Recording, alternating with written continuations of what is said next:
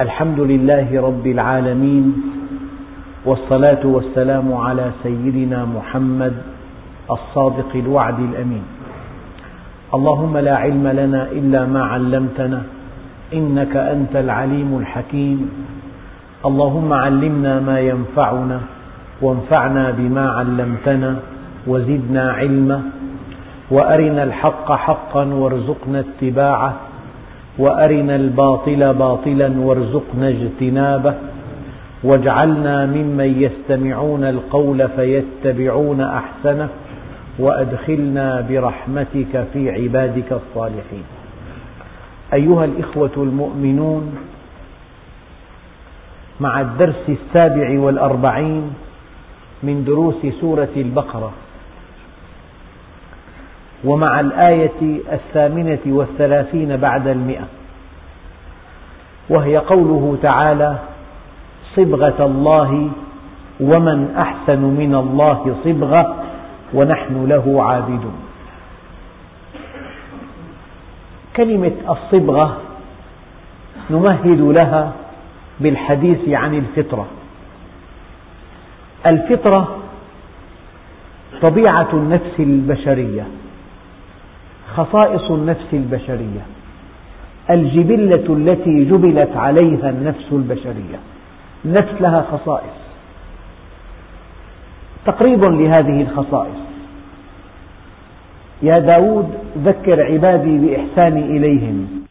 فإن النفوس جبلت على حب من أحسن إليها الإنسان يحب الأكمل يحب الأجمل يحب النوال فهناك خصائص للنفس البشرية الذي يعنينا من هذه الخصائص أن هذه النفس البشرية مجبولة ومفطورة بالتعبير الحديث مبرمجة وفق الشرع تماما الذي خلق النفس الإنسانية هو, هو الذي أنزل الكتاب وكلف النبي بشرحه وتبيين ما فيه تطابق النفس البشرية مع منهج الله تطابق تام النفس البشرية من فطرتها أنها تحب الكمال تحب الرحمة تحب العدل تحب الجمال تحب النوال فالإنسان حينما يصطلح مع الله ويطبق منهج الله يهتدي إلى فطرته وينسجم في سلوكه مع فطرته يعني الله عز وجل أودع فيك حب العدل وأمرك أن تعدل فإن عدلت توافق سلوكك مع فطرتك أودع فيك حب الرحمة وأمرك أن ترحم أودع فيك حب الكمال وأمرك أن تكون كاملا أودع فيك حب الإحسان وأمرك أن تكون محسنا يعني أمرك وحبب إليك هذا في أصل فطرتك هذا هو الانسجام بين الفطرة وبين التكليف الفطرة منسجمة مع معرفة الله والإيمان به وطاعته الإنسان إذا ابتعد عن الله ابتعد عن فطرته فشعر بالغربة وشعر باختلال التوازن وشعر بالوحشة وشعر بالعزلة وشعر بالضيق وشعر وكأن الدنيا مقفولة عليه وكأن الأبواب كلها موصدة في وجهه لذلك الشعور الذي ينتاب المؤمن حينما يتعرف إلى الله ويصطلح معه شعور لا يعرفه إلا من ذاقه لأنه أنت مفطور على أشياء والشرع أمرك بهذه الأشياء تماما تطابقت الفطرة مع الأمر الإلهي فارتاحت النفس هذا أدق معنى قال تعالى فأقم وجهك للدين حنيفا يعني أقم وجهك بكل ما أوتيت من قوة بكل ما أوتيت من فهم بكل ما أوتيت من طاقات اجعل وجهك نحو الدين توجه إلى الله توجه إلى منهجه أطعه تقرب إليه أقم وجهك للدين حنيفا أن تقيم وجهك للدين حنيفا هو نفسه ما أنت مفطور عليه فأقم وجهك للدين حنيفا فطرة الله التي فطر الناس عليها يعني إقامة وجهك للدين حنيفا هو عينه جبلتك وفطرتك يعني هذه المركبة مصممة لتمشي على طريق معبد أما المدرعة مصممة لتمشي على طريق وعر المركبة المصممة لتمشي على طريق معبد حينما تمشي بها على طريق وعر تكسرها أما إذا سرت بها على طريق معبدة تختفي الأصوات وترتاح النفس أنت ماذا فعلت؟ أنت استعملتها وفق أصل تصميمها استعملت هذه المركبة وفق أصل تصميمها الآن أنت مفطور على حب الكمال على حب العدل على حب الإحسان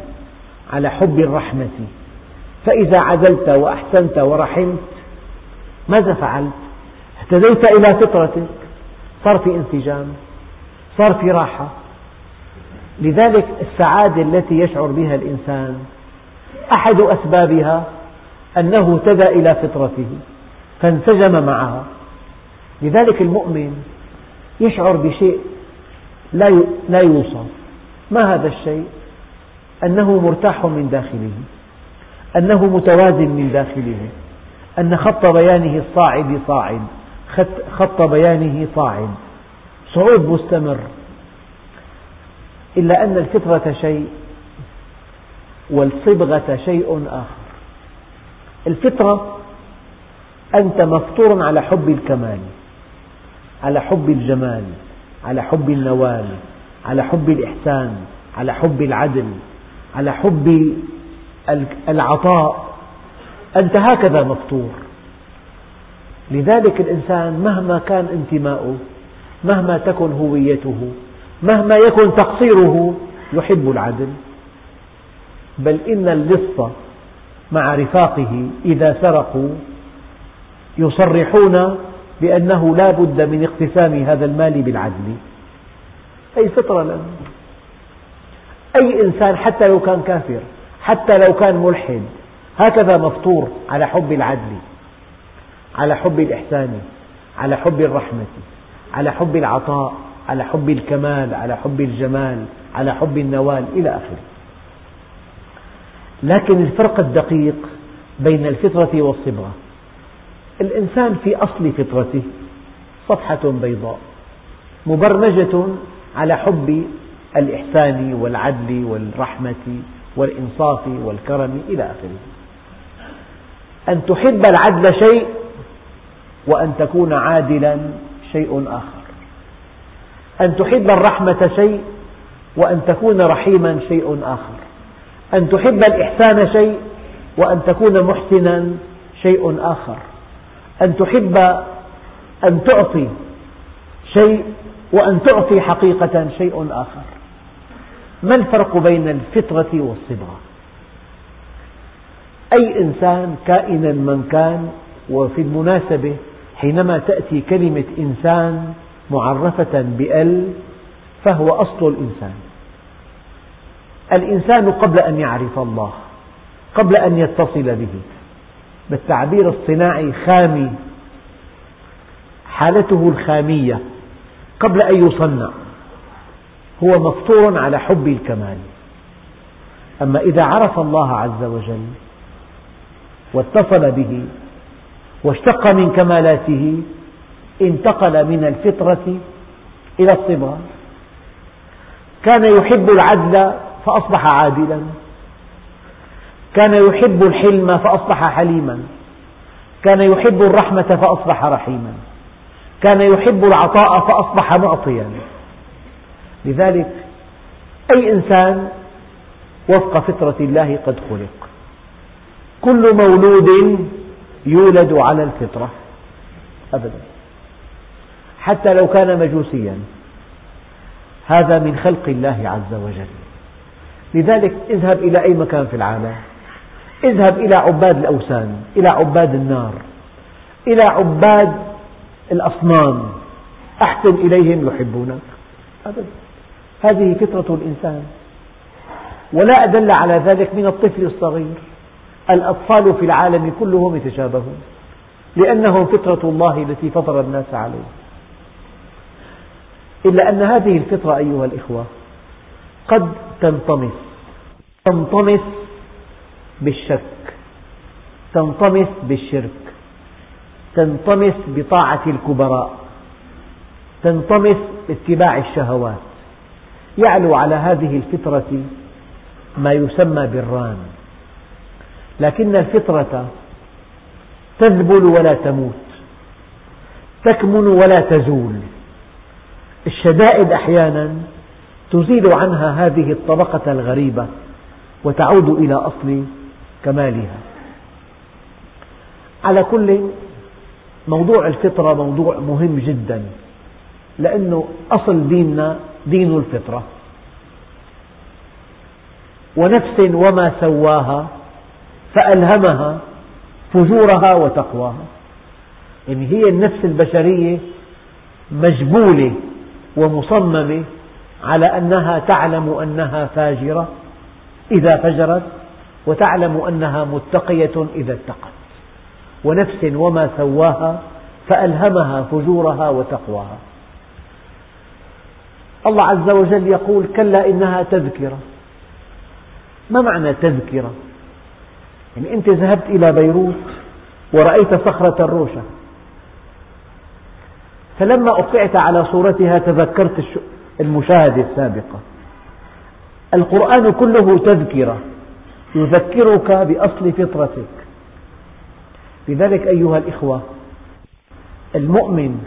يعيش حالة من السعادة لا توصف أساس هذا الانسجام مع فطرته الإنسان يحب العفة فإذا كان عفيفا فعلا شعر بالراحة الإنسان يحب الإنصاف فإذا كان منصفا يشعر براحة كل السعادة التي تتأتى للإنسان أساسها أنه تحرك وفق فطرته انسجم مع فطرته اهتدى إلى فطرته يعني مثلا للتوضيح الإنسان إذا أعطي وردة ذات رائحة فواحة يطرب لها طيب هناك بعض الحيوانات يأكلون النجاسات الإنسان يكره رائحة ويحب رائحة في حيوان على عكس الإنسان يحب رائحة لا يحتملها الإنسان معنى في تصميم في مخلوقات تعيش في المجارير تطرب لما فيها من روائح كريهة إذا هي مبرمجة برمجة أخرى والإنسان مبرمج برمجة ثانية أنت حينما تشم وردة ذات رائحة فواحة وتطرب لها لا لأنها فواحة بل لأن أصل فطرتك مبرمجة على هذه الرائحة فصار في انسجام وحينما تشم رائحة كريهة لماذا هي كريهة؟ لأنك مبرمج على عكسها من أين يأتي تأتي الراحة ويأتي النفور؟ من أصل الفطرة لو أن الإنسان مبرمج على الظلم وظلم بيرتاح العكس تصوروا لو كان مبرمج على الظلم فكل ما ظلم بيرتاح لو أنه مبرمج على أن يكون قاسيا كلما قصر يرتاح لكنه مبرمج ومفطور على العدل والإحسان والعفة والعطاء فأكبر سعادة يشعر بها المؤمن حينما يهتدي إلى أصل فطرته وحينما ينسجم مع فطرته وحينما تتوافق حركته في الحياة مع أصل تركيبه هي أكبر ثمرة من ثمار الإيمان المؤمن متوازن مرتاح الكافر حينما خرج عن منهج الله خرج عن أصل فطرته في عنده عذاب داخلي عذاب لا يحتمل في عنده ما يسمى باختلال التوازن في عنده ما يسمى بالانهيار الداخلي لأنه يأخذ ما ليس له في تأنيب داخلي يعتدي على أعراض الناس يكذب عليهم يحتال عليهم يتوهم أنه يجمع المال الكثير لكنه في الحقيقة من أشقى الأشقياء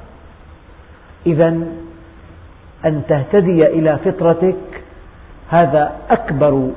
جائزة لك في الدنيا قبل الآخرة ما هي جنة الدنيا؟ قال في الدنيا جنة من لم يدخلها لم يدخل جنة الآخرة جنة الدنيا هي جنة السكينة هي جنة الاصطلاح مع الفطرة جنة العودة إلى الفطرة جنة التناغم مع بنية النفس هذه الفطرة فأقم وجهك للدين حنيفا إقامة وجهك للدين حنيفا ينطبق على فطرتك انطباقا تاما فأقم وجهك للدين حنيفا فطرة الله التي فطر الناس عليها لا تبديل لخلق الله لذلك ما يعانيه المؤمن ما يشعر به المؤمن من راحة هي بسبب أنه انسجم مع أصل خلقه كل مولود يولد على الفطرة ونفس وما سواها فألهمها فجورها وتقواها كلا إنها تذكرة فمن شاء ذكره نعم. الآن بعد أن تتعرف إلى الله وبعد أن تصطلح معه وبعد أن تستقيم على أمره وبعد أن تتصل به يحدث ما يسمى باشتقاق الكمال من الله من خلال اتصالك به كنت تحب العدل فلما اتصلت به أصبحت عادلا عدل داخلي ونحتاج إلى توضيح آخر لو أن إنسان وهو في طريقه إلى بلدة ما وجد حادث سير وإنسان جريح يحتاج إلى إسعاف هو عمله في الطب مثلا وفي ناس بيعرفهم فاضطر أن يقف موقف إنساني مقطوع عن الله فرضا ما له اتصال بالله يحب الرحمة لكن ليس رحيما أما هذا الموقف اضطره أن يقف موقف إنساني هذا فعله فعل الصبغة ونفسه ليست كذلك نفسه على الفطرة أما فعله فعل الصبغة يعني قد يكون عملك رحيما ولست رحيما وقد تضطر أن تحكم بالعدل لأن هذا القرار سوف يراقب من مستويات أعلى فمن أجل الحفاظ على منصبك تحكم بالعدل حبا بالبقاء في هذا المنصب فهذا الذي يحكم بالعدل يحكم بالعدل لا وفق الصبغة ولكن وفق المصلحة فأن تحب العدل شيء وأن تكون عادلا شيء في أصل بنيتك وأن يكون عملك عدلا شيء ثالث تحب العدل وتصطبغ بالعدل وعملك عدل كل شيء باب أن تحب العدل فطرة وأن تتمثل العدل في نفسك صبغة وأن تقف موقفا عادلا لمصلحة معينة أي مصلحة فإن وجدت في العالم الغربي علاقة طيبة صدقا في المعاملة إتقانا في الصنعة هذه مصلحة الفطرة في أصل الخلق أما الصبغة للمتصل بالله حصرا أما السلوك الذكي هذا يفعله كل ذكي في العالم فقد تجد في بلاد الغرب معاملة طيبة قد تجد صدق قد تجد أمانة لأنه في ضبط شديد يعني الضبط بلغ درجة تفوق حد الخيال يعني أي غلط مهما كان صغيرا مضبوط يعني تدخل إلى سوق في بألوف الملايين من البضائع في خمس أشخاص على مدخل هذا السوق كل شيء تحمله من البضائع في عليه مبرمج إن لم تدفع ثمنه أصدر صوتا مزعجا اتهمت من خلال هذا الصوت بالسرقة فملايين في هذا السوق يدفعون ما عليهم لا لأنهم ينطوون على كمال بل لأنهم يعلمون أنهم لو لم يدفعوا لفضحوا هذا سلوك مدني ذكي ما له علاقة بالفطرة ولا بالصبغة إطلاقا صار في ضبط إلكتروني عالي جدا في بلاد الغرب ضبط شديد هذا الضبط ألغى الفطرة والصبغة ما عاد تعرف مين أمين لا يمكن تحمل سلعة وتخرج بها إلا ويصدر صوت من القوس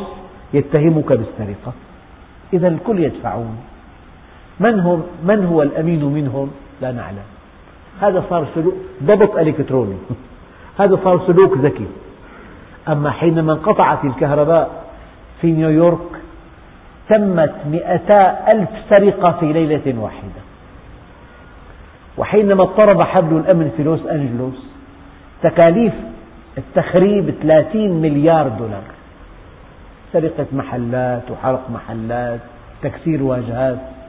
فالفطرة شيء والصبغة شيء آخر والسلوك الذكي الذي يعيشه الغرب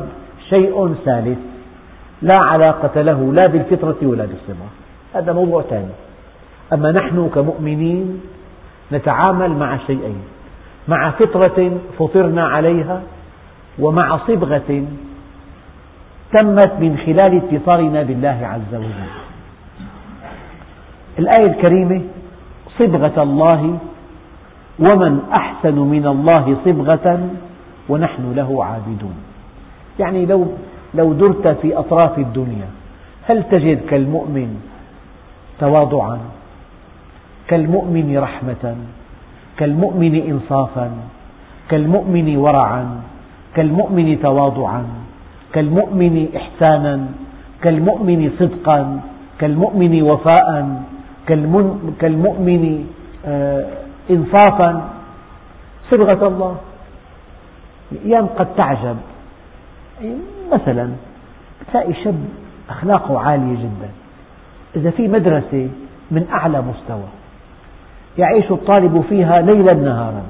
يتلقى أعلى درجة من العلوم والآداب والتوجيهات والتوجيه الديني والنصح والنظافة والعادات والتقاليد فإذا رأيت هذا الطالب أعجبك أدبه وذكاؤه وعلمه وتحصيله وأخلاقه وهندامه الحسن تقول هذا خريج هذه المدرسة المؤمن خريج مدرسة الحق مستحيل أن ترى مؤمنا يكذب أو أن ترى مؤمنا يحتال أو أن ترى مؤمنا يقسو أو أن ترى مؤمنا يظلم أو أن ترى مؤمنا يأخذ ما ليس له الورع مع الأدب مع الإحسان مع التواضع مع العفو كل هذه الكمالات هي من أثر اتصال هذا المؤمن بالله عز وجل هي الصبغة الصبغة شيء موجود الفطرة صفحة بيضاء لكن مبرمجة على حب الكمال أن تحب الكمال فطرة وأن تكون كاملا صبغة وأن تسلك سلوكا كاملا من أجل مصلحتك ذكاء لا فطرة ولا صبغة أن تحب الكمال فطرة وأن تكون كاملا صبغة وأن تسلك سلوكا كاملا لمصلحة مادية ذكاء لذلك الإسلام منهج موضوعي بمعنى لو جاء إنسان ملحد وطبقه لقطف ثماره فإن رأيت في بلاد الغرب تفوقا فلأن كل إيجابيات هذه البلاد إسلامية لا عن طاعة لله ولا عن حب له ولا عن تعبد له ولكن من أجل المصلحة إذا كانت مصلحتهم في الصدق يصدقون فإن كانت مصلحتهم في الكذب فهم أكبر كذابين في الأرض إن كانت مصلحتهم في الرفق بالإنسان يرفقون فإن كانت مصلحتهم في قتل شعب بأكمله يقتلون سلوك مصلحي فقط هذا شيء صارخ بالغرب مصلحة فقط القيم كلها تحت أقدامهم من أجل أن يطعموا كلابهم اللحم يقتلون الشعوب بأكملها فإذا تحدثوا عن حقوق الإنسان يجب أن نضحك فقط نحن لأنهم ينتهكون كل حقوق الإنسان فحنعيد مرة ثانية أن تحب الكمال فطرة وأن تكون كاملا صبغة أما أن تسلك سلوكا كاملا لمصلحة تريدها هذا نوع ثالث هذا مما تراه في عالم الغرب يعني في بعض المواقف إنسانيون وفي بعض المواقف وحوش وحوش كاسرة يعني يبحثون عن حقوق الإنسان وهم أكبر من ينتهك هذه الحقوق يتحدثون عن الحرية وهم الذين يصادرونها في العالم كله فدرسنا اليوم صبغة الله ومن أحسن من الله صبغة هذا استفهام إنكاري ليس في الأرض كلها جهة يمكن أن تمنح الإنسان كمالا كما يمنحه الله عز وجل ونحن له عابدون يعني سيدنا رسول الله عليه الصلاة والسلام بعض, بعض الأنصار وجدوا عليه في أنفسهم فجاء زعيمهم سعد بن عبادة وقال يا رسول الله إن قومي وجدوا عليك في أنفسهم لأنك لم تعطهم من الغنائم في حنين قال يا سعد أين أنت منهم قال ما أنا إلا من قومي قال اجمع لي قومك فجمعهم فقال يا معشر الأنصار جدة وجدتموها علي في أنفسكم من أجل لعاعة تألفت بها قوما ليسلموا ووكلتكم إلى إسلامكم يا معشر الأنصار أما إنكم سيدنا رسول الله في أعلى درجات قوته دانت له الجزيرة العربية من أقصاها إلى أقصاها وكلمته نافذة وتحت إمرته عشرة آلاف سيف فئة من أصحابه وجدوا عليه في أنفسهم كان بإمكانه كما يفعل البعض أن يلغي وجوده أو أن يهدر كرامته أو أن يهملهم أو أن يعاتبهم لصالحه ماذا فعل؟ جمعهم وقال أما إنكم لو شئتم لقلتم فلصدقتم ولصدقتم أتيتنا مكذبا فصدقناك وطريدا فآويناك ومخذولا فنصرناك يا معشر الأنصار ألم تكونوا ضلالا فهداكم الله بي ما قال فهديتكم قال فهداكم الله بي وعالة فأغناكم الله وأعداء فألف بين قلوبكم يا معشر الأنصار أوجدتم علي في لعاعة من الدنيا تألفت بها قوما ليسلموا ووكلتكم إلى إسلامكم أما ترضون أن يذهب الناس بالشاة والبعير وترجعوا أنتم برسول الله إلى رحالكم فبكى الأنصار حتى أخضلوا لحاهم وقال اللهم ارحم الأنصار وأبناء الأنصار وأبناء أبناء الأنصار ولو سلك الأنصار شعبا وسلك الناس شعبا لسلكت شعب الأنصار طيب هذا الموقف في رحمة في عفو في مسامحة في ذكاء في سياسة في امتصاص نقمة أنا كنت أقول كان الله في عون كتاب السيرة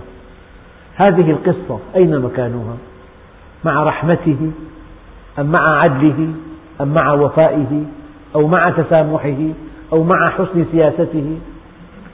هي صبغة الله سيدنا حاطب ابن بلتعة أرسل كتاب إلى قريش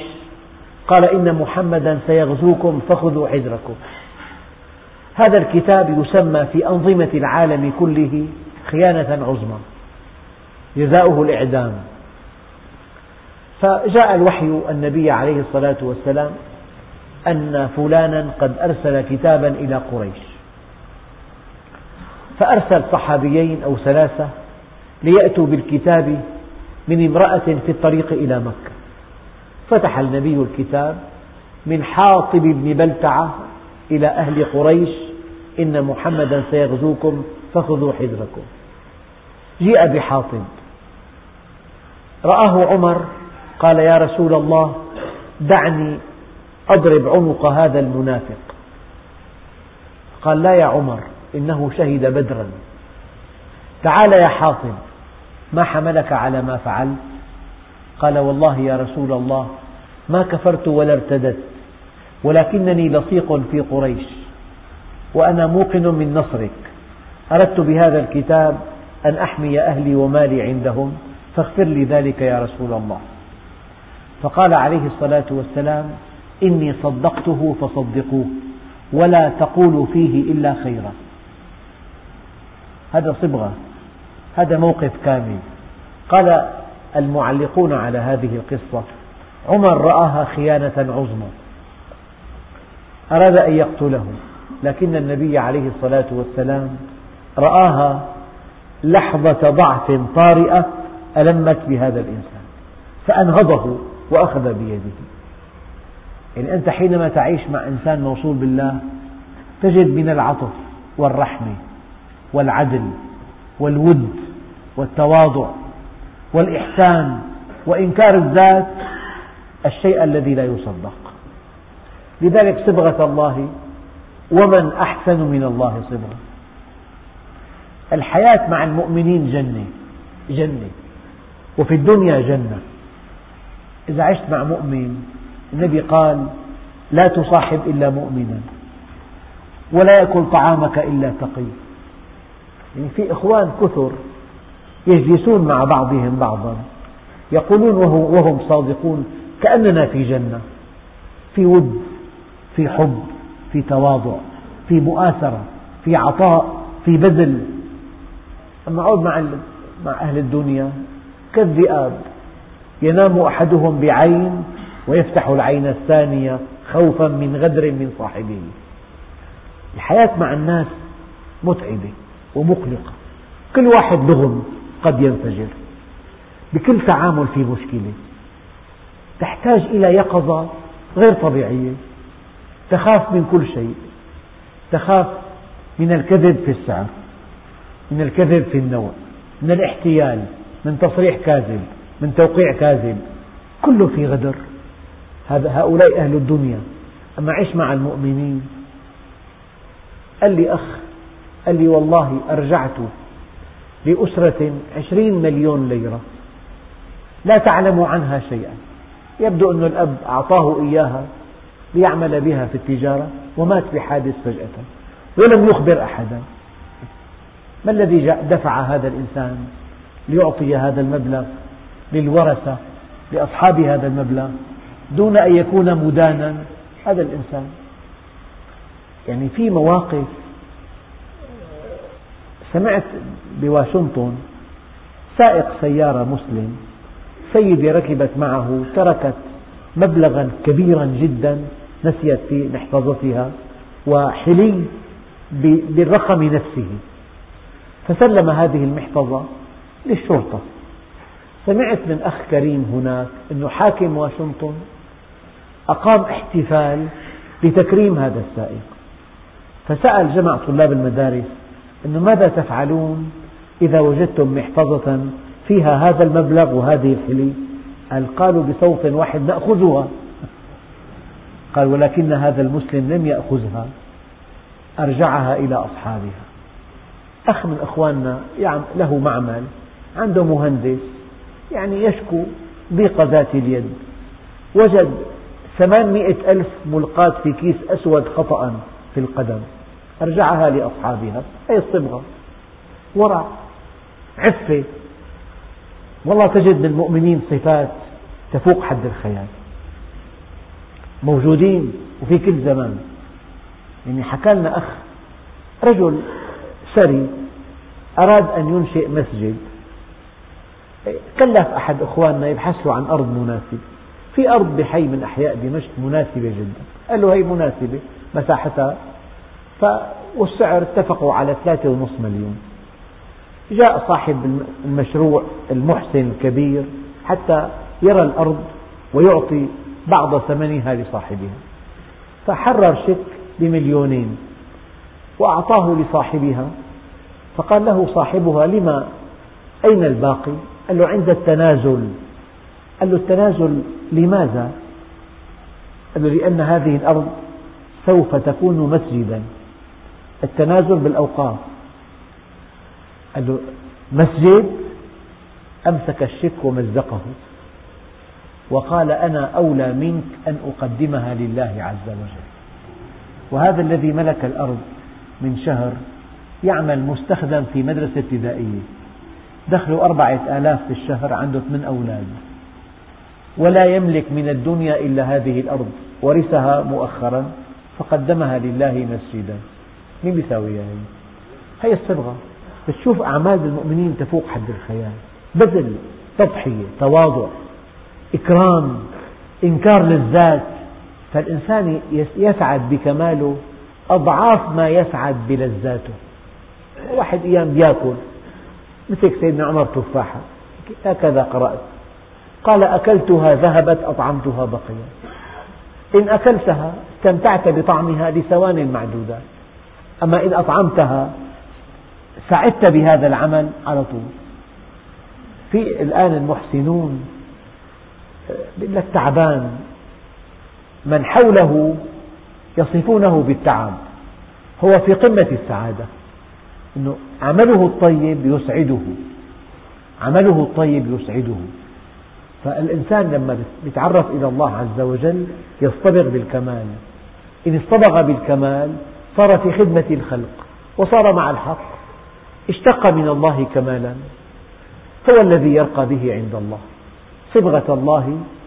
ومن أحسن من الله صبغة ونحن له عابدون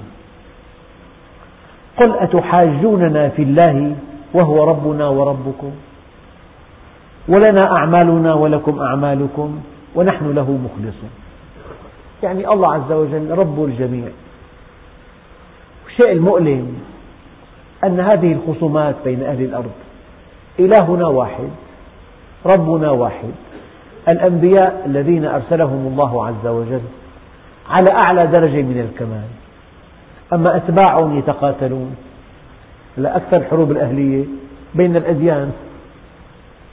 يعني رؤساء هؤلاء رؤساء أو أصحاب هذه الرسالات في أعلى درجة من الكمال في أعلى درجة من الحب وأتباعهم يتقاتلون لماذا؟ هذا موضوع ثاني نحن في عنا اختلاف أساسه نقص المعلومات هذا اختلاف طبيعي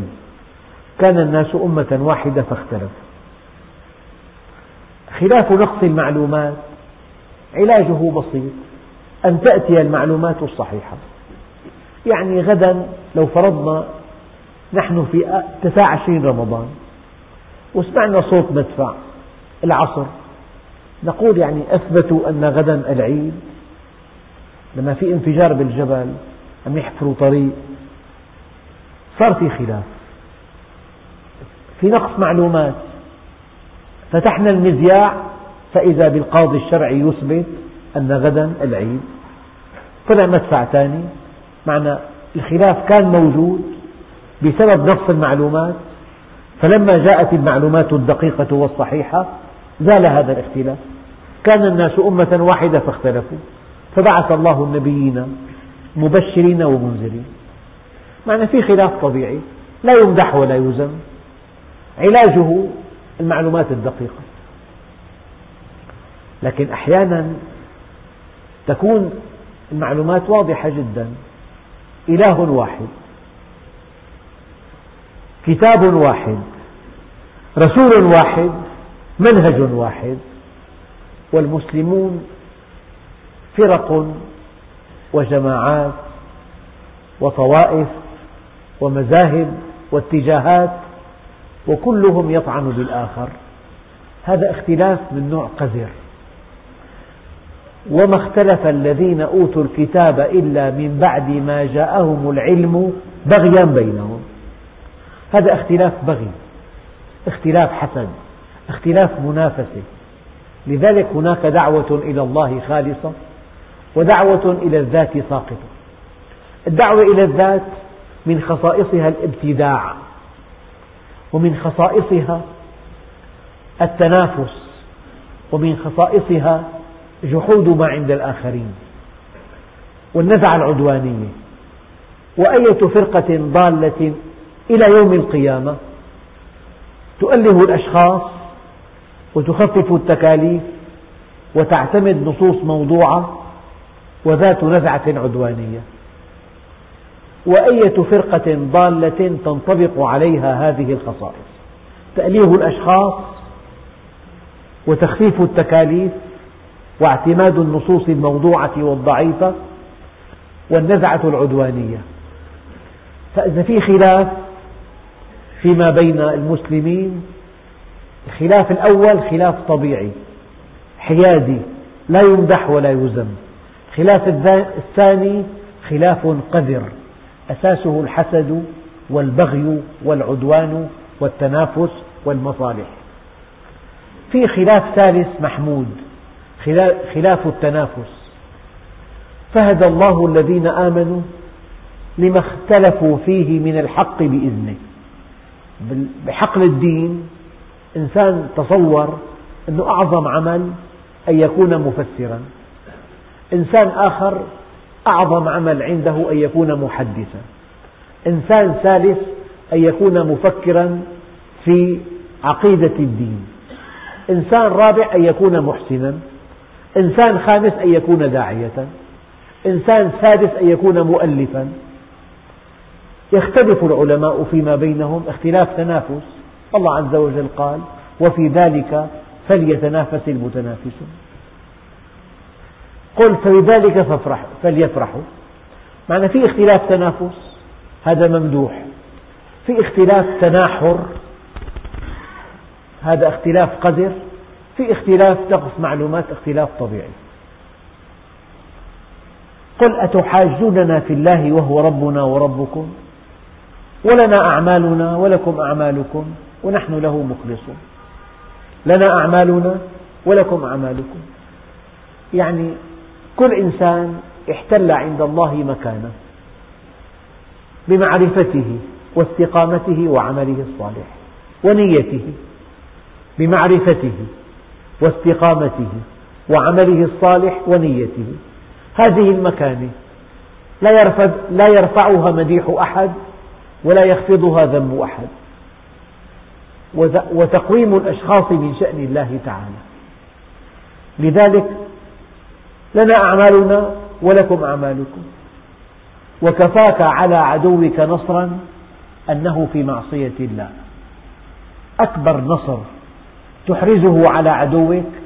أن تكون أنت في طاعة الله وهو في معصية الله لذلك لا تعاقب من عصى الله فيك بأكثر من أن تطيع الله فيه لا تعاقب من عصى الله فيك بأكثر من أن تطيع الله فيه واحد قال لعالم ناشئ أن إنني أشفق عليك مما يقوله عنك, عنك الناس يعني ظلما وافتراء فقال هل سمعت مني عليهم شيئا قال لا قال عليك عليهم فأشفق أنا أطعت الله فيهم فلم أتكلم ولا كلمة هم عصوا الله في فنهشوا لحمي واغتابوني هل سمعت مني عنهم شيئا قال لا قال عليهم فأشفق قال له واحد هل اغتبتني قال له ومن أنت حتى أغتابك من أنت لو كنت مغتابا أحدا لاغتبت أبي وأمي لأنهم أولى بحسناتي منك موقن أنك إذا اغتبت أخذ, أخذ الذي اغتبته من حسناتك يوم القيامة قال له أمي وأبي أولى بحسناتي منك من أنت حتى أغتابك لنا أعمالنا ولكم أعمالكم والحمد لله على وجود الله كلمة دقيقة جدا الله موجود ويعلم كل شيء ومطلع على كل شيء ويعلم السر وأخفى يعلم ما تسر ويعلم ما يخفى عنك ويعلم حجم كل عمل العمل حجمه تضحيته نواياه أهدافه مؤداه والله بما تعملون بصير لذلك من عرف نفسه ما ضرته مقالة الناس به ولنا أعمالنا ولكم أعمالكم ونحن له مخلصون أم تقولون إن إبراهيم وإسماعيل وإسحاق ويعقوب والأسباط كانوا هودا أو نصارى يعني هو الانتماء الشكلي مشكلة إذا الإنسان هويته مسلم وأبوه مسلم وأمه مسلمة ولم يكن مطيعا لله عز وجل ما قيمة هذا الانتماء الشكلي؟ يعني إذا كان انتماءك إلى المؤمنين المسلمين انتماء شكلي وانتماء الدين الآخر إلى دينه انتماء شكلي وانتماء, وانتماء فلان إلى دين ثالث انتماء شكلي وإنسان لم ينتمي إلى أي دين إن الذين آمنوا انتماء للإسلام شكلي والذين هادوا انتماء لليهودية شكلي والنصارى انتماء للنصرانية شكلي والصابئين من لم ينتمي إلى أحد هم عند الله سواء من آمن بالله من هؤلاء إيمانا حقيقيا إيمانا دقيقا عميقا إيمانا أساسه البحث والتأمل والتصديق والعمل والإقبال وعمل صالحا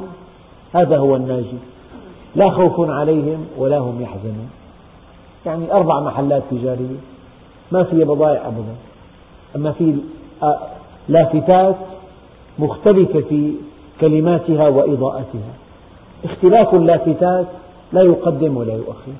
العبرة بالبضاعة بضاعة ما في لذلك الشيء المؤلم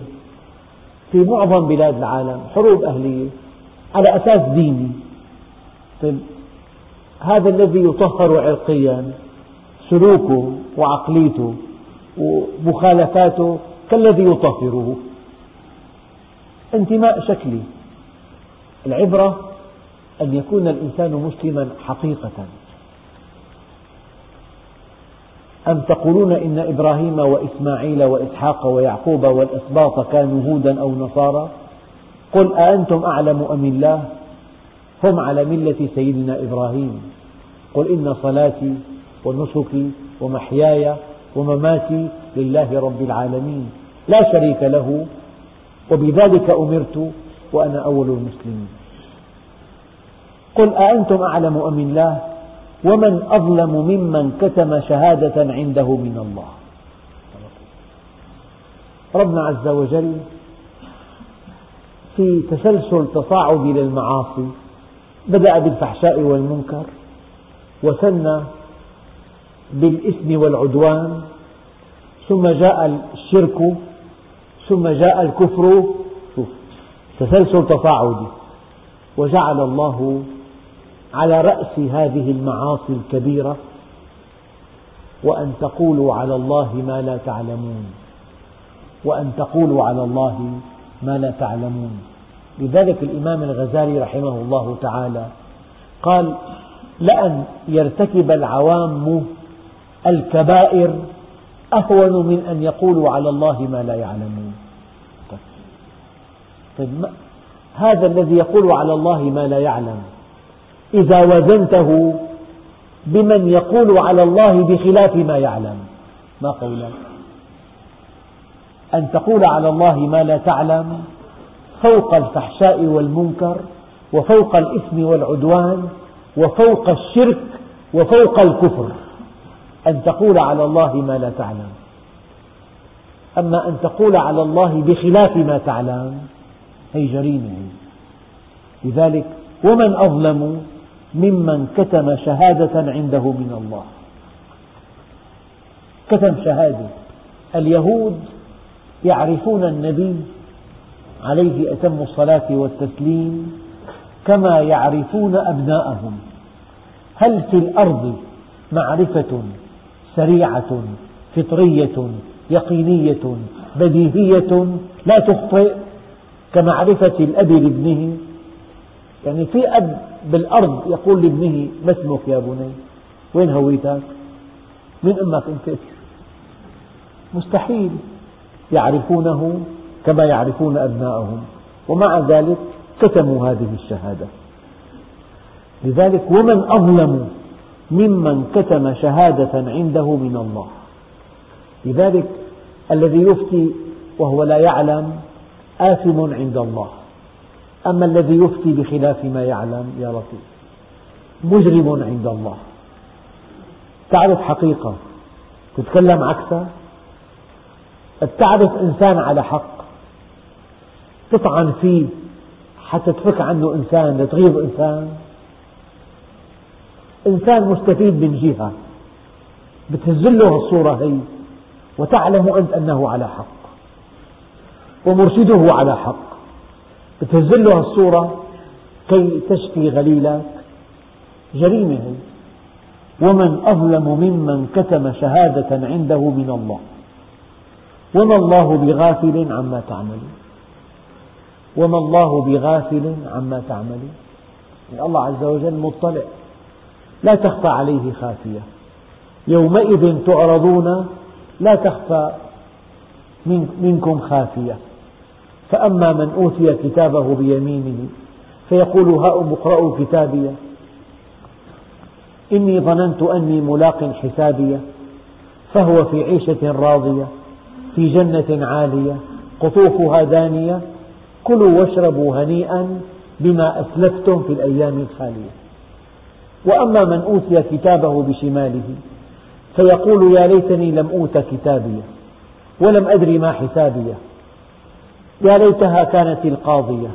ما أغنى عني مالية هلك عني سلطانية خذوه فغلوه ثم الجحيم صلوه ثم في سلسلة درعها سبعون ذراعا فاسلكوه ومن أظلم ممن كتم شهادة عنده من الله وما الله بغافل عما تعملون أخواننا الكرام أنت حينما تتصدى للدين أو تحارب المؤمنين أو تطعن بهم وأنت موقن أنك لست على حق هم على حق هل تعلم من هو الطرف الآخر؟ قال تعالى إن تتوبا إلى الله فقد صغت قلوبكما وإن تظاهرا عليه فإن الله هو مولاه وجبريل وصالح المؤمنين والملائكة بعد ذلك ظهير ما معنى هذه الآية؟ يعني امرأتان معقول فإن الله هو مولاه وجبريل وصالح المؤمنين والملائكة بعد ذلك ظهير كلهم ضد هاتين المرأتين علماء التفسير قالوا ليس هذا هو المعنى المعنى أنك حينما تريد أن تطعن بالدين أو أن تحارب أهل الحق اعلم من هو خصمك اعلم من هو الطرف الآخر أشقى الناس هم الذين يقفون في خندق مناهض للدين هذا أشقى إنسان والمعركة خاسرة يريدون ليطفئوا نور الله بأفواههم هل تستطيع أن تنفخ في الشمس فتطفئها؟ لسان لهبها يزيد طوله عن مليون كيلومتر بعد أيام سوف يشاهد من يسكنون في شمال شرق بلدنا الكسوف الكامل تغيب الشمس كليا دقيقة لدقيقتين فقط ويمكن أن يرى الإنسان خمس كواكب زهرة وعطارد والمشتري وزحل في أثناء الكسوف ويمكن أن يرى الناس الانفجارات على سطح الشمس وأسنة اللهب التي تمتد إلى مليون كيلومتر في الخسوف في الكسوف طبعا ومع ذلك الشمس آية من آيات الله عز وجل بالمناسبة يحذر الأطباء من التحديق في قرص الشمس في أثناء الكسوف إلا بنظارة خاصة مصنعة لهذا الهدف أعتقد عنا غير موجودة فالأولى أن نعرض عن التأمل في قرص الشمس هنا في الشام في الأعم الأغلب الكسوف جزئي أما في الشمال في الجزيرة فيما أعتقد يمكن أن يرى الناس الكسوف الكلي يعني تغيب الشمس وتظلم الأرض هناك ويمكن أن نرى النجوم ظهرا حقيقة لا مجازا في هذا الوقت نعم ومن أظلم ممن كتم شهادة عنده من الله وما الله بغافل عما تعملون أنت حينما تعلم أن الله يعلم تستقيم أمورك حينما تعلم أن الله يعلم نعم تلك أمة قد خلت لها ما كسبت ولكم ما كسبتم ولا تسألون عما كانوا يعملون كل إناء بالذي فيه ينضح والحمد لله رب العالمين ما هو ضابط الفطرة؟ ربما أرى شيئا وأحكم عليه بأنه من دواعي الشهوة في حين يرى غيري أنه من دواعي الفطرة فما هو الضابط؟ الشرع هو الضابط ألم أقل قبل قليل أن الفطرة منطبقة على الشرع انطباقا تاما إذا واحد قال لك إطلاق البصر ينسجم مع الفطرة نقول له لا لأن الله أمرنا بغض البصر إطلاق البصر ينسجم مع الطبع هنا موضوع ضروري الطبع أقرب للجسم والفطرة أقرب إلى النفس كلام دقيقة امرأة تمشي في الطريق دوافع الطبع تدعوك إلى التأمل بمحاسنها دوافع الطبع أما كأن نظرت حجبت عن الله عز وجل فضاقت نفسك الآن إذا غضضت البصر عنها شعرت أن الله راض عنك فأقبلت عليه فالتكليف يتناقض مع الطبع ينسجم مع الفطرة فالقسم أربع موضوعات صاروا الطبع والفطرة والصبغة والسلوك الذكي الطبع والفطرة والصبغة والسلوك الذكي التكليف يتناقض مع الطبع يتوافق مع الفطرة في مثل أوضح من ذلك إنفاق المال يتناقض مع الطبع يتوافق مع الفطرة حينما تنفق قد تعاكس نفسك بعد أن تنفق ترتاح تحس أن الله راض عنك فالتكليف ينسجم مع الفطرة ويتناقض مع الطبع وتناقض الطبع مع الفطرة ثمن الجنة فأما من خاف مقام ربه ونهى النفس عن الهوى فإن الجنة هي المأوى فإذا كان واحد التبس عليه الأمر فطرة لما شهوة الشرع الحسن ما حسنه الشرع والقبيح ما قبحه الشرع أوضح مثل نعطيك مسألة رياضيات وفي جواب إن كان حلك صحيحا إن جاء الجواب معك كهذا الجواب فالحل صحيح إذا جاء بجواب آخر فالحل غلط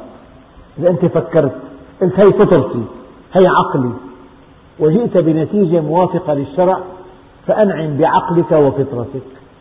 أما إذا جئت بنتيجة تناقض الشرع فهذا الشيء غلط غير مقبول يعني في كلام فيه مبالغة قال المدخن منتحر والمنتحر في النار فهل يجوز أن نصلي على مدخن؟ الجواب معكم هل تؤثر العادات والتقاليد والأعراف على تغيير مفاهيم الفطرة؟ تؤثر، أنا ذكرت الفطرة السليمة والفطرة المنطمسة التي شوهتها الأعراف والتقاليد والعادات والشهوات والضلالات واتباع الكبراء واتباع الآباء والأجداد هذه كلها تؤثر بس إذا ألف كلمة الفطرة تذبل ولا تموت تكمن ولا تزول يغلف الفطرة غلاف بعيد عن خصائصها الله عز وجل يأتي بالمصائب هذه المصائب مهمتها أن تزيح عنها هذه الطبقة الهجينة عنها الإنسان حينما يقع في ضيق يلجأ إلى الله بحكم فطرته والحمد لله رب العالمين